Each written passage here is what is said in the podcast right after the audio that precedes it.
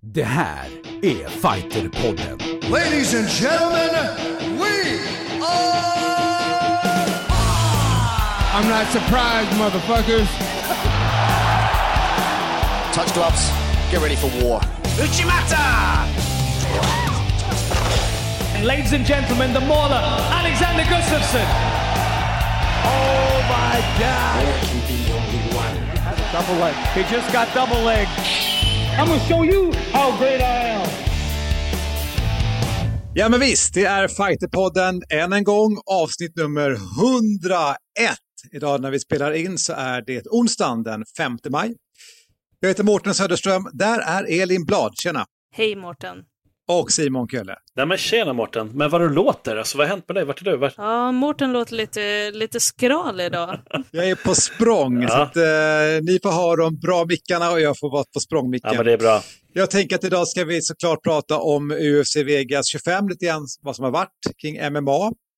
Det finns lite nyheter kring eh, Bruce Lee och hans nonchakos, som du känner till Simon. Det finns också en spännande studie, eh, det är statistik. 484 sidor är den här studien kring MMA. Mm. Också lite grann framåt, förutom att vi ska nämna PFL och Sadebosi så ska vi också prata om UFC Vegas 26 och lite boxning. Detta och mycket mer i Fighterpodden. Detta är ju podden för dig som älskar kampsport. Men vi börjar väl såklart då med eh, UFC Vegas 25. Och vem vill börja? Jag vill höra vad det är som har hänt, för den här har inte jag Du har sett. inte gjort det? Okej, okej, okej. Nej, det, den var ju lite mindre. Jag, jag höll fortfarande på liksom att rida den här Ah. höga vågen efter att ha sett Ah. den, den senaste Mm, stora mm, galan 261 som var fantastisk. Så jag var inte jättesugen på att titta, för jag, på förhand tyckte jag inte att matcherna såg så himla intressanta ut. Så, men jag tänker att ni kan ju få bevisa mig fel nu i efterhand. Ja, alltså, ibland är det ju verkligen så att de här mindre galorna som nästan ingen tror kommer bli skitbra är jäkligt bra. Alltså, nu vet jag inte om jag kan säga att hela den här galan var suverän, men den hade några liksom rejäla toppar. Och de kom mot slutet, då var det riktigt, riktigt feta matcher. Jag tänker på Giga Chikadze mot Cub Swanson. Vilken leverspark Mårten, alltså vad säger du? Ja, jag menar Cub Swanson, alltså tuff kille, men känns det som att han är ju verkligen på sista varvet. är eller inte kanske han så ganska det. gammal nu? Jo, men det är han ju, men han är också i, ja, får man säga, utifrån sin ålder relativt bra form, men han åkte på en sån jädra leverspark. Mm, 37 år igen. Men alltså det är klart, plus att de har varit med länge, han är 27-12 liksom, och många av de här matcherna har gått i UFC och stora organisationer. Så att Giga Chikadze ser ju riktigt vass ut. En fantastisk spark som grävde in verkligen tårna in i leden. Ja, det såg så Det ont så ont ut. Ah. Alltså. Eh, och sen nästa som såg nä, nästan till ännu ondare ut, alltså, om man säger så. Jiri Prochaka som, som vann mot Dominic Reyes på en snurrarmbåge i andra ronden. Alltså, wow! Men kan inte jag få börja prata lite grann bara om Jiri Prochaka, eller kan du, hur ska jag uttala honom Prochaska tror jag, men alltså, det är ju tjeckiska, Ja. det är svårt. Han är ju en riktigt härlig udda figur eh, som då dels, ska beskriva bara Elin när han kommer dit, han har alltså håret uppsatt i någon sån här, som en piska du vet, eh, i bak i huvudet. Det här, Ja. jag tror att jag har sett bilder på den där. Mm, Att det, det, var, Ja. det var en intressant frisyr kan man väl Ja. Alltså vi som är lite traditionella, i alla fall jag är traditionell inom kampsport, han kommer ju in med det här, du vet, han har studerat Musashi, Mm, Book of Five Rings, den här Gorin och Shaw, han är mycket för Sun Tzu och det är mycket kampsport och han har en jävligt okonventionell Mm. stil. Och han, har ingen, han håller inte upp garden. I stort sett hänger han med armarna hela Mm. tiden. Och, men över tre sänker man så här, ja men herregud, Dominic Reyes som dessutom är rankad Mm. högre, är för rutinerad. Men hur många träffar Dominic, Dominic än fick in så är ju Prochaska, alltså han bara går framåt, Mm. han bara går framåt. Och lyckas till slut sätta en sån jädra spinning back elbow. Och bara så här, ja, det var inte oväntat. Det var det som var liksom, nu, nu är jag mogen för UFC säger här, han. är det här liksom hans genombrottsmatch? Det kan man säga, han har ju bara gått liksom två UFC, men han har ju, han har ju slagit Vadim Nemkov som är Bellators champ. Eh, och han har mött Kalle Albrektsson, bland annat slagit honom. Han är liksom, han har varit uppe väldigt högt i Japan. Han, han fick ett erbjudande för, ganska, alltså för ett länge sedan att gå med i UFC. De tyckte han var redo, men han har 28-3 rekord nu. Liksom. Så att det är så här, Mm. Och han tackade nej. Han kände sig inte redo. Han vill komma in när han kan bli champ och det känner han, att han kan bli nu.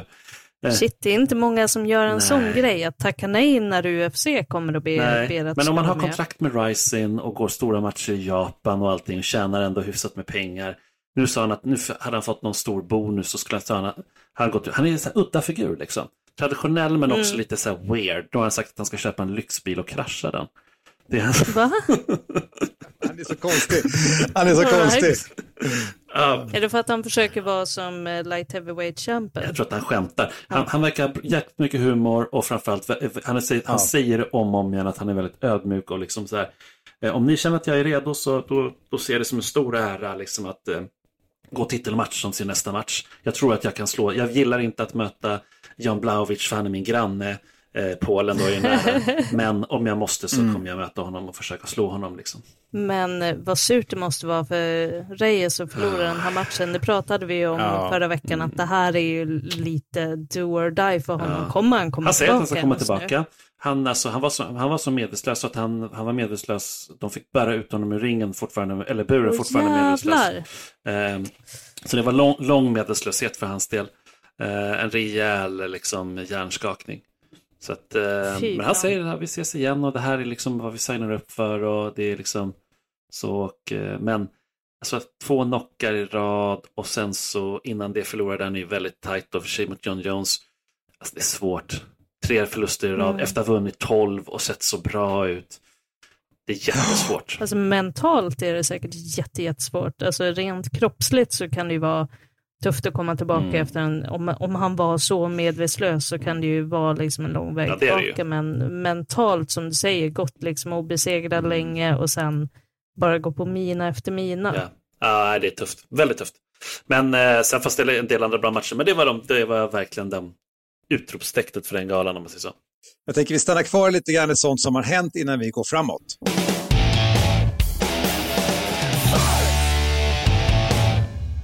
Ett poddtips från Podplay. I podden Något Kaiko garanterar östgötarna Brutti och jag, Davva, dig en stor dos skratt. Där följer jag pladask för köttätandet igen. Man är lite som en jävla vampyr. Man har fått lite blodsmak och då måste man ha mer. Udda spaningar, fängslande anekdoter och en och annan arg rant. Jag måste ha mitt kaffe på morgonen för annars är jag ingen trevlig människa. Då är du ingen trevlig människa, punkt. Något Kaiko, hör du på Podplay. Därför är gardinerna.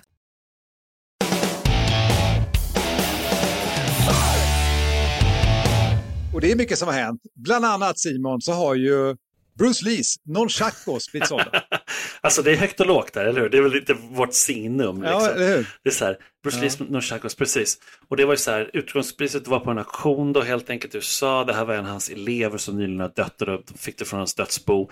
Och då gick den ut för 2000 dollar och det, det tyckte väl många ändå så här, ja du vet, det var en, Det låter ganska det var en av hans nunchakos. Det tyckte även de som budade kan jag säga, Elin. För den gick för 83 000 dollar till slut. Åh, jävlar.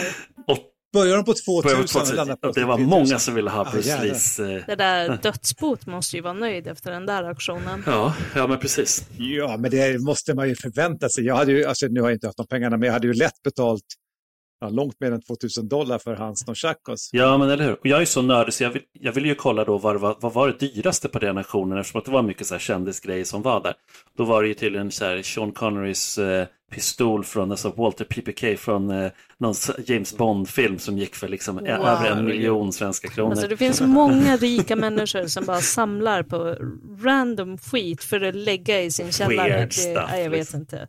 Man kanske Eller- kan använda pengarna på något bättre sätt. Så här, Eller hur? kö, köp träningskort till vet, ungar eller något. Ska vi gå från eh, nonchakos och Bruce Lee då till sumobrottning, Simon? Kan vi göra, kan vi göra. Det har varit en tragisk historia där. En sumobrottare som heter Hibi Kiryu, så, eller egentligen heter han Mitsuki Amano som har dött tyvärr efter en match. Han var ingen större, som jätteduktig eh, sumobrottare, men han var ändå uppe liksom högt. Alltså, han var duktig, det var han, men han var inte liksom en av de bästa på något sätt. Han förlorade en match, landade på Ah. huvudet, blev medvetslös och eh, det finns lite bilder på det som man bara tittar på om man eh, känner för det. Eh, och det, det är det att han låg medvetslös väldigt länge utan att någon gjorde någonting. Han låg liksom på med Ja, ansiktet gud, neråt. Har de Och de har fått ganska mycket kritik som- inom sumo av det där. Eller, för- eller jag fattar inte. Det tog ganska lång tid, det tog många minuter. Mhm. Eh, så han, han fick ganska grov liksom, syrebrist och låg och kvävdes. Liksom. Det var så, här. så att han hamnade i på sjukhus och eh, låg där ganska länge liksom, i koma, men tyvärr så, så klarade han inte det helt enkelt. Då, då sa de det, det kan ha varit det här att liksom, nacken fick stryk i huvudet, men också det här att han låg för att, vet, Men tänk på att de här jätte, det där måste väger vara en 200 jättestor skandal liksom inom, inom sumovärlden att, att det där Ja. ens tillåts hända. Att, Ja. att inte... Ja, Jag vet inte, det, det låter helt osannolikt. Jag tänker bara, skulle en sån sak hända här i Mm. Sverige så skulle ju den idrotten få så jävla mycket skit väldigt, väldigt fort. Men det är liksom en nationalidrott Ja, alltså på många sätt. Och det är så här, när saker har hänt inom fotboll och sånt eller orientering eller vad det nu är så det är klart det har blivit ramaskri och så men det har ändå varit så här det finns massa ursäkter och sånt men det här är faktiskt tyvärr inte första gången det händer skandaler inom sumo.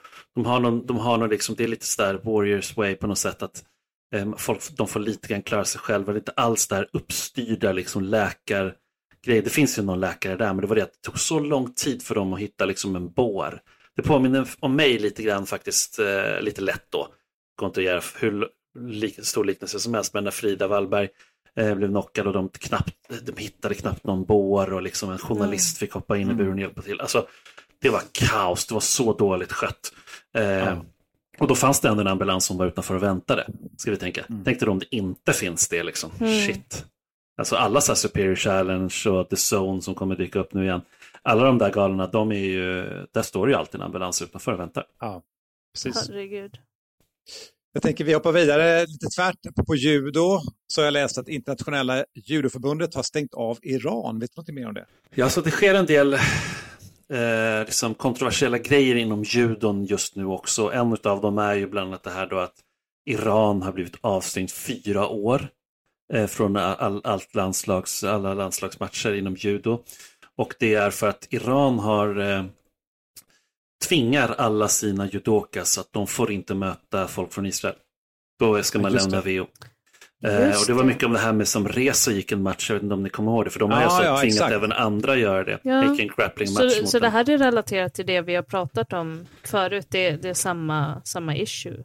Ja, det är samma issue. De, eftersom att de Mm. har en konflikt med liksom Israel så då tvingar de sina eh, fighters och judokas och sådär att de får helt enkelt inte möta folk från Israel och det judoförbundet har fått nog och eh, stänger av dem fyra år. Wow. Alltså man tänker vilken effekt det här kan få. Det är ju inte så att de ändå kommer lyckas politiskt. Men man får inte Nej. glömma att Iran är en stor eh, judonation. Det är det Så att det är verkligen. klart att, att de inte får tävla på det här sättet, det, det kommer bli, ja de får väl tävla inhemskt. Men jag tror att det ändå kan bli, alltså det kommer nog skapa en uppmärksamhet ändå. Det är, Mm. Får trycka på på alla möjliga sätt och det här är ju ett sätt att få uppmärksamhet. En fråga, Mm. vad händer med deras deltagande i OS i så fall, om de är liksom en stor judonation? Är det internationella förbundet eller är det så här olympiska mm, någonting, någonting som bestämmer om de får vara med där? Jättebra fråga faktiskt. Jag, jag lovar att kolla upp det till nästa gång. Men jag tror, och nu så att säga som man brukar säga killgissa, att, att den helt enkelt, eh, att de inte kommer få tävla där. För det är det, är det som verkligen känns. VM har precis varit och sådär. Så att det, är- jag, jag tror att det kommer vara, eh, att det kommer bli att, så att de inte får tävla där. Mm. Ja, men kolla upp det till nästa se, jag lovar att kolla upp det. Mm. Det är flera judo, jag får bara säga det för att jag vill bara säga det, jag vet att vi har mycket annat att prata om. Jag ska säga det är en till grej som har hänt inom judon som jag vill hijacka och säga här nu och det är att det är sjuåring som ligger i koma och eh, Men gud, Yes. vad, vad, vad är det då? Det är mycket sorgliga grejer. Då. Berätta vad ja, är det är skitmycket sorgliga grejer idag, det är verkligen så. Nej, men det, är, det är en kille som alltså en judo, alltså en nybörjare som blev kastad av sin tränare över 20 gånger eh, och eh, även en äldre annan liksom, elev då, då, som också kastade honom. Men han var, var klagade på någonstans? I vilket land? Taiwan var det som det hette. Och det är den här judotränaren då, han blev ju gripen. Mm. Eh, och eh, sen blev han släppt. Och sen så fanns det på video. Så det, det finns video på Mhm. det. Ja. Och då när de såg det så var det ju, då grep de honom igen. Eh, och eh, nu är han liksom det, motsvarande, och det heter säkert inte samma sak i Thailand, eller i Taiwan, men det är liksom sannolika skäl då. Så att det kommer ju bli ja, motsvarigheten till dråp antagligen. Alltså det är ju, eller vållande till annans död. Eh, om han dör. Men är Eh, han död? Nej, han ligger i koma fortfarande. Okej. Han är inte död. Gud vad Men hemskt. det är Ja, men vad sorgligt. Ja. Sju år liksom. Men det är, det är just det här, vi- vi skryter mycket om det med kanske all rätt liksom i Sverige, att vi har det är organiserat och det är inte liksom en tränare som... Det, man skulle bli så ut, alltså, jag vet inte, ut i marginalen, utkickad i Norden om man liksom verkligen spör sina elever på det där sättet som vi har sett ibland vissa ställen. Mm. Vissa gör. Det är inte ja, men det finns ju sådana så mycket, alltså vill man verkligen söka sånt så kan man ju man kollar på det här McDojo och så vidare. Ja, Otroligt mm. sjuka grejer. Det är så mycket, så mycket instruktörer i världen som gör så mycket konstiga saker och som skadar sina ja. elever och grejer. Och det är som du säger, att det är klart att den där bilden mm. kan ju många människor i Sverige se också. Så du kan ju få en bild av att det faktiskt inte är säkert med kampsport. Och det arbetet som sker i Sverige, och inte minst det som förbundet gör, är ju att verkligen att du som besökare eller tränande i en kampsportslokal ska mm. kunna lita på att det finns liksom, allt från en värdegrund till liksom ett regelverk och Mm. Att det är en säker miljö och att det är säker träning, fast det faktiskt är kampsport. Ja. ja. men bara det att eh, alla som arbetar eh, in, inom en förening, så här, tränare eller vad det nu än är, mm. måste lämna ett utdrag ur belastningsregistret ja. en gång ja. om året. Okej, okay. det, kanske är rätt bra, det? det? kanske är ganska bra att det är på plats. Sant. Ja, för det har de faktiskt sett med den här coachen, vi ska inte gå in för mycket på det, men de har sett med honom, han har faktiskt inte en regelrätt utbildning att vara tränare och det är heller och liksom så här, det, mm. han, han, har blivit väldigt ifrågasatt nu. Det är alla han är fel, inte ensam. Enkelt. Han är inte ensam. Nej. Så är det inte. Jag går vidare, går... Simon. Mm. Ja, jag går vidare. Ja. Uh, det har kommit en studie kring MMA, den här ja. uh, 484-sidiga studien. Kan du bara... Har du läst alla de 484 sidor? Eh, om du frågar mig. Nej, jag har faktiskt inte mm. läst alla 484 sidor, men jag har bläddrat igenom dem och tittat efter liksom intressanta grejer. Dels för att jag håller på med min bok, den ska ju liksom revampas och uppdateras och komma som ljudbok. Fick jag lite reklam där också för den. Det kommer jag säkert Bra. göra mer reklam för sen. Men den i alla fall, den, eh, då vill jag titta på det. Vad är det som har gjorts och vad är det som har sagts och sådär. Det är alltså UFCs alltså Performance Institute som har kommit med den här. Det, och den handlar om åren 2017 till 2019. Och fokuset från början var att samla statistik kring hjärnskakningar. Mm. Senast jag gjorde en hjärnskaksundersökning var ju liksom, om jag minns rätt, 2001 till 2005 eller något sådär. Någonting där. Så det börjar bli liksom dags att göra det och, och fokusera på UFC och sådär. Och, men i samma veva då så kommer det väldigt mycket annan intressant eh, statistik. Då. Jag kan ju dra bara några få grejer här som jag tyckte var, var liksom spännande. Och det är det att fighters som slår och sparkar mer än sin motståndare vinner oftare än den som gör det färre gånger. Hänger ni med? men, men är inte det helt självklart? Att... Så här, fighters som slår och sparkar oftare än sin motståndare, även då om man missar helt enkelt, så är det att den vinner oftare än den som gör färre tekniker. Stående. Ja, jag tycker det, det känns rimligt. Ja, ja. Så här, visst att de inte tävlar i all style där det är liksom så här, träffar som räknas, men mm aktivitet är ju en superviktig rent okulärt när man tittar på det. Så om någon är aktiv och försöker mycket mm. så, så ser det bättre ut än om man bara står och kastar singlar lite då och då. Ja, men är det din, din, poäng Simon, är det det du vill få fram? Ja, nej, men alltså det, det här gäller alla viktklasser och det som är väl grejen är att det är ju inte, det är inget kanske som vi blir helt förvånade över just den här grejen, men, men det är väl ändå så att det är alltså aktivitet lönar sig någonstans. Och det är så här, för att, mm. menar, mm. vi kan säga det till Derek Lewis som slår ett slag i halvtimmen. Mm. Men vet, det, det, finns, det finns undantag liksom. Men ändå, eftersom att det gäller alla viktklasser, så är det ändå så här att att vara aktiv och driva på och försöka liksom slå och sparka mycket, det har visat sig. Men det är en av grejerna. En annan intressant grej är att vi ser att, eh, eller de ser snarare, att en mindre bur för det, de har ju en större bur och en mindre bur i UFC. Mm. Där är det 5% mer knockouter. Mm. Eh, och 8% mer submissions än vad det är på en, i en större bur. Eh, och endast 39% av fighterna i den mindre buren slutar med domslut jämfört med alltså i den större buren där det är 51% som slutar med domslut. Mm. Det är intressant, jag menar, både du och jag har kommenterat genom åren och jag tror mm. att det där är ju, utan att ha den statistiken, uppfattningen jag har haft. Att alltså, ska säga, så här, lite så här, it goes without saying. Är det en mindre bur så gör det samtidigt att du snabbare, alltså det blir mer närkontakt, eh, du har mindre, mm. möj, så här, mindre möjlighet att kunna ha distans till din motståndare och eh, du hamnar kanske mer mot burvägg och så vidare och det skulle automatiskt göra att det faktiskt blir Mm. mer avslut. Ja, Ja, men för de som har en stil som är liksom lite stakande och Mm. lite mer press så, så blir det ju otroligt mycket mer effektivt i en mindre bur. Så är det ju. Eh, Samtidigt är det ganska många fighters som inte gillar mindre bur. Alltså så där, det beror ju väldigt på. Så att det är ju, ja. Men, eh, nej, men det var lite om det. Jag, jag får väl återkomma, jag håller ju på att läsa den fortfarande. Så att eh, det, det kommer ju Kan mer inte du skicka den här statistik. till oss? Ja, det kan jag absolut göra. Absolut. Tack. Okej, vi är fortfarande dåtid. Sista jag har är ju att det var ju PFL i Mm. eh, torsdags var det faktiskt. Eller hur? Precis. Precis. Förra veckan. precis. Och Vi jag har hade faktiskt skaffat lite- abonnemang. Jag har skaffat abonnemang. Du har det? Ja, Okej, så nu har jag börjat kolla på PFL och ehm, det är ganska intressant. De har ju växlat upp eh, både produktionsmässigt Mm. Ja, ja, ja, och ja. eh, det var en bra gala. Och jag ville såklart se Sadeh Bouzid. Jag kan säga Mm. direkt då att eh, deras, den matchen blev helt enkelt bruten för att Ah. eh, han satte ett finger i ögat på sin motståndare då. Mm. Nikolaj. Alexa. Ja, precis. Jag kan inte Exakt. exakt uttalet där. Ja, precis. Eh, Så det var lite tråkigt. Eh, Men annars så, så var det eh, en bra gala tycker jag och eh, intressant att se Hamlet, alltså norrmannen. Martin Hamlet, ja. Han gick första matchen Ja. på kortet. Mm. Ja, och får jag bara säga det, han lyckas med någonting som är ganska ovanligt. Alltså han ligger alltså i gard på sin motståndare. Vad nu- menar du Elin? Topp eller botten? Topp. Mm. Han ligger, han ligger alltså i motståndarens gard, eh, den här Spon, och eh, börjar starta någon typ av sidechoke och sätter den. Arm, armtriangel liksom. Vi har Det- en alltså, kille det på är- klubben som kan göra det också.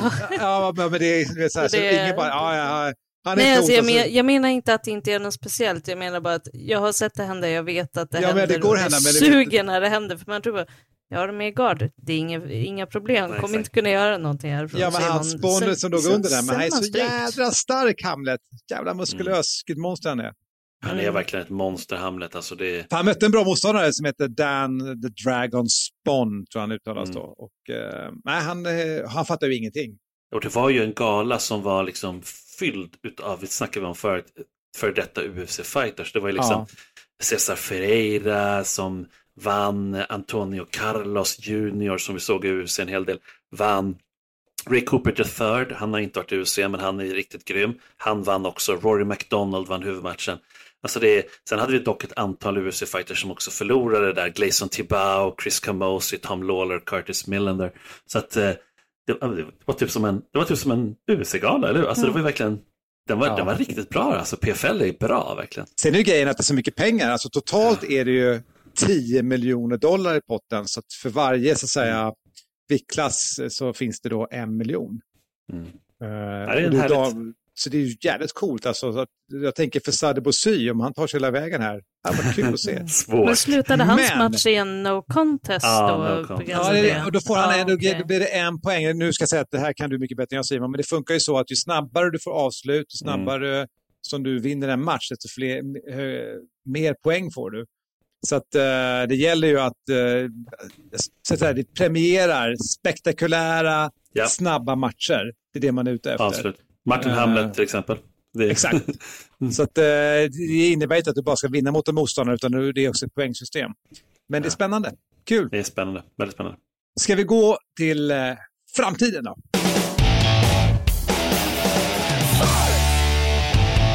Om vi ska ta och se lite grann framåt då. Ska vi börja bara med UFC Vegas 26? Vad tycker du om den galan Simon?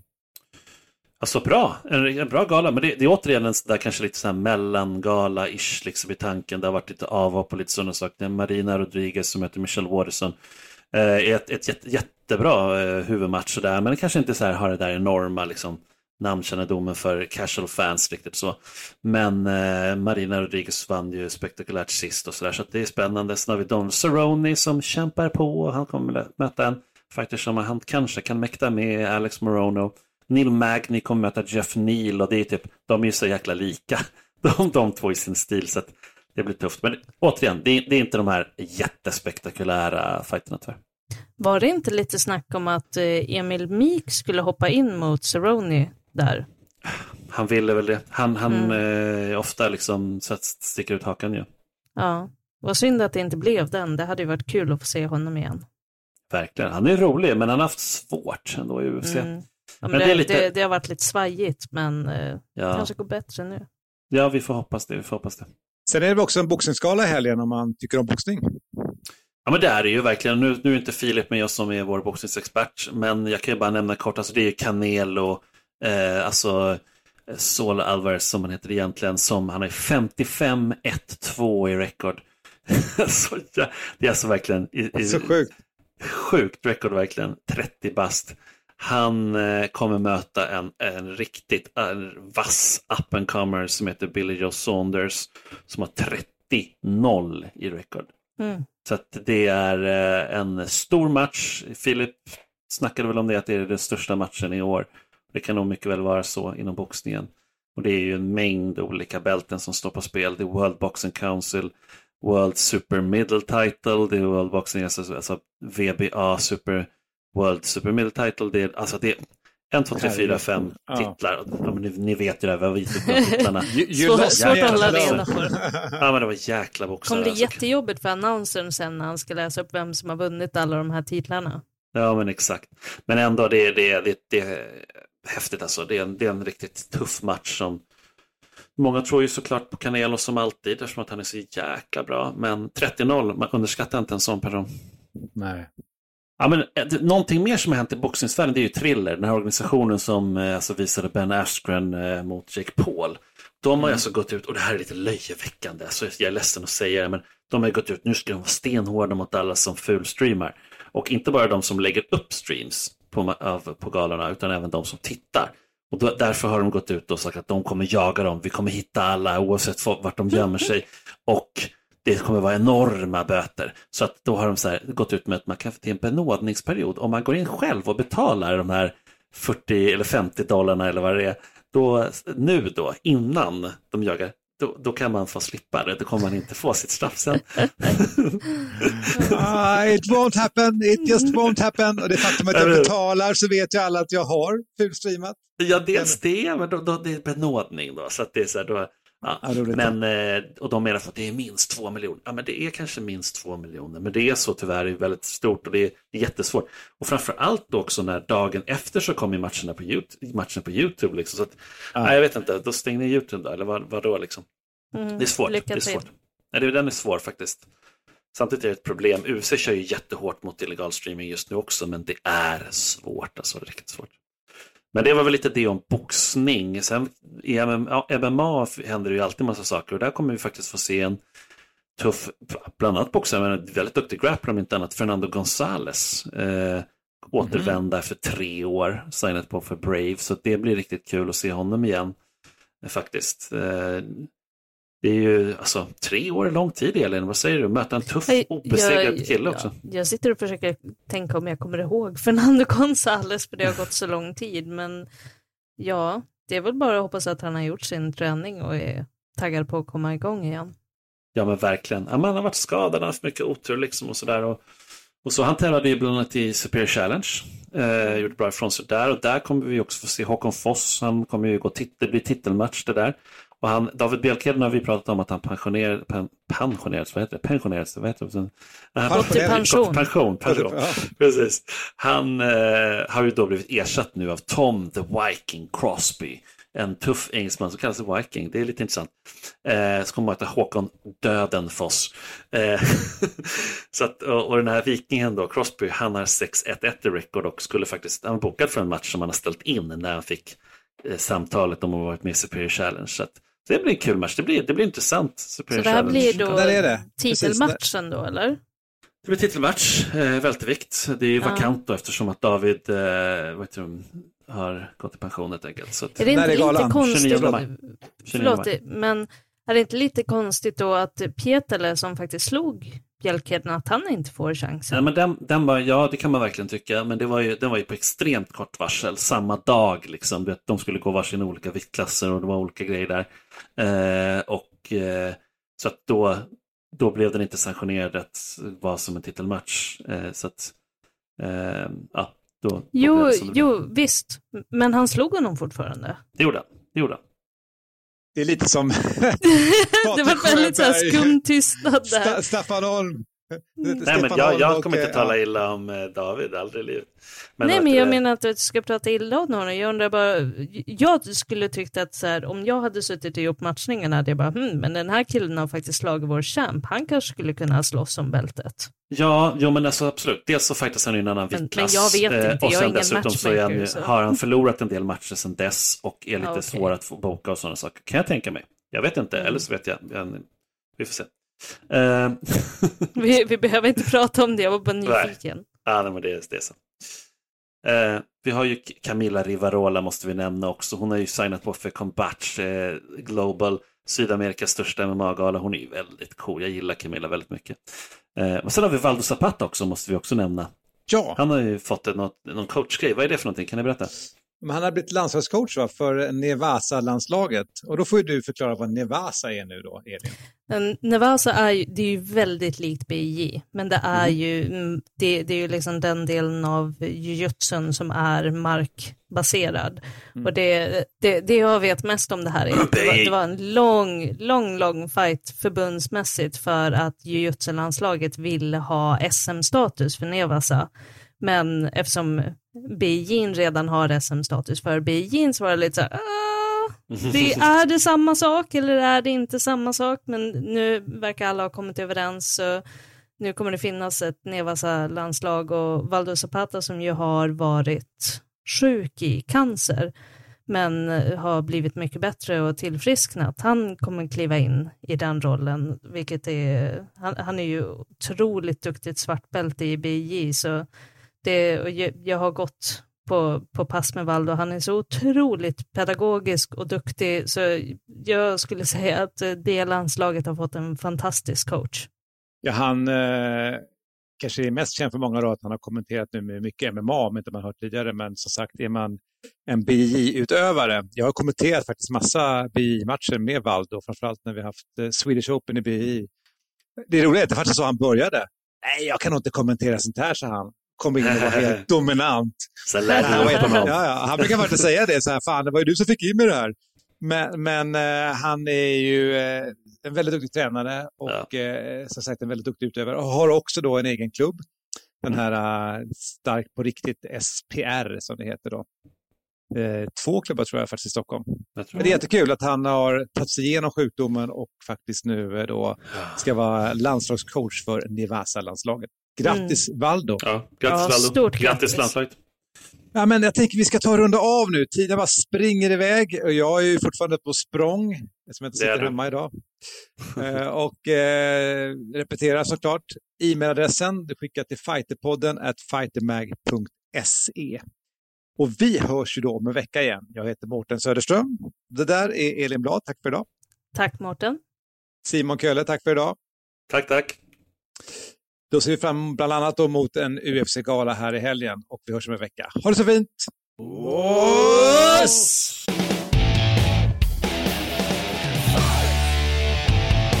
Fighterpodden produceras av Suba Media för Radio Play. Ett poddtips från Podplay.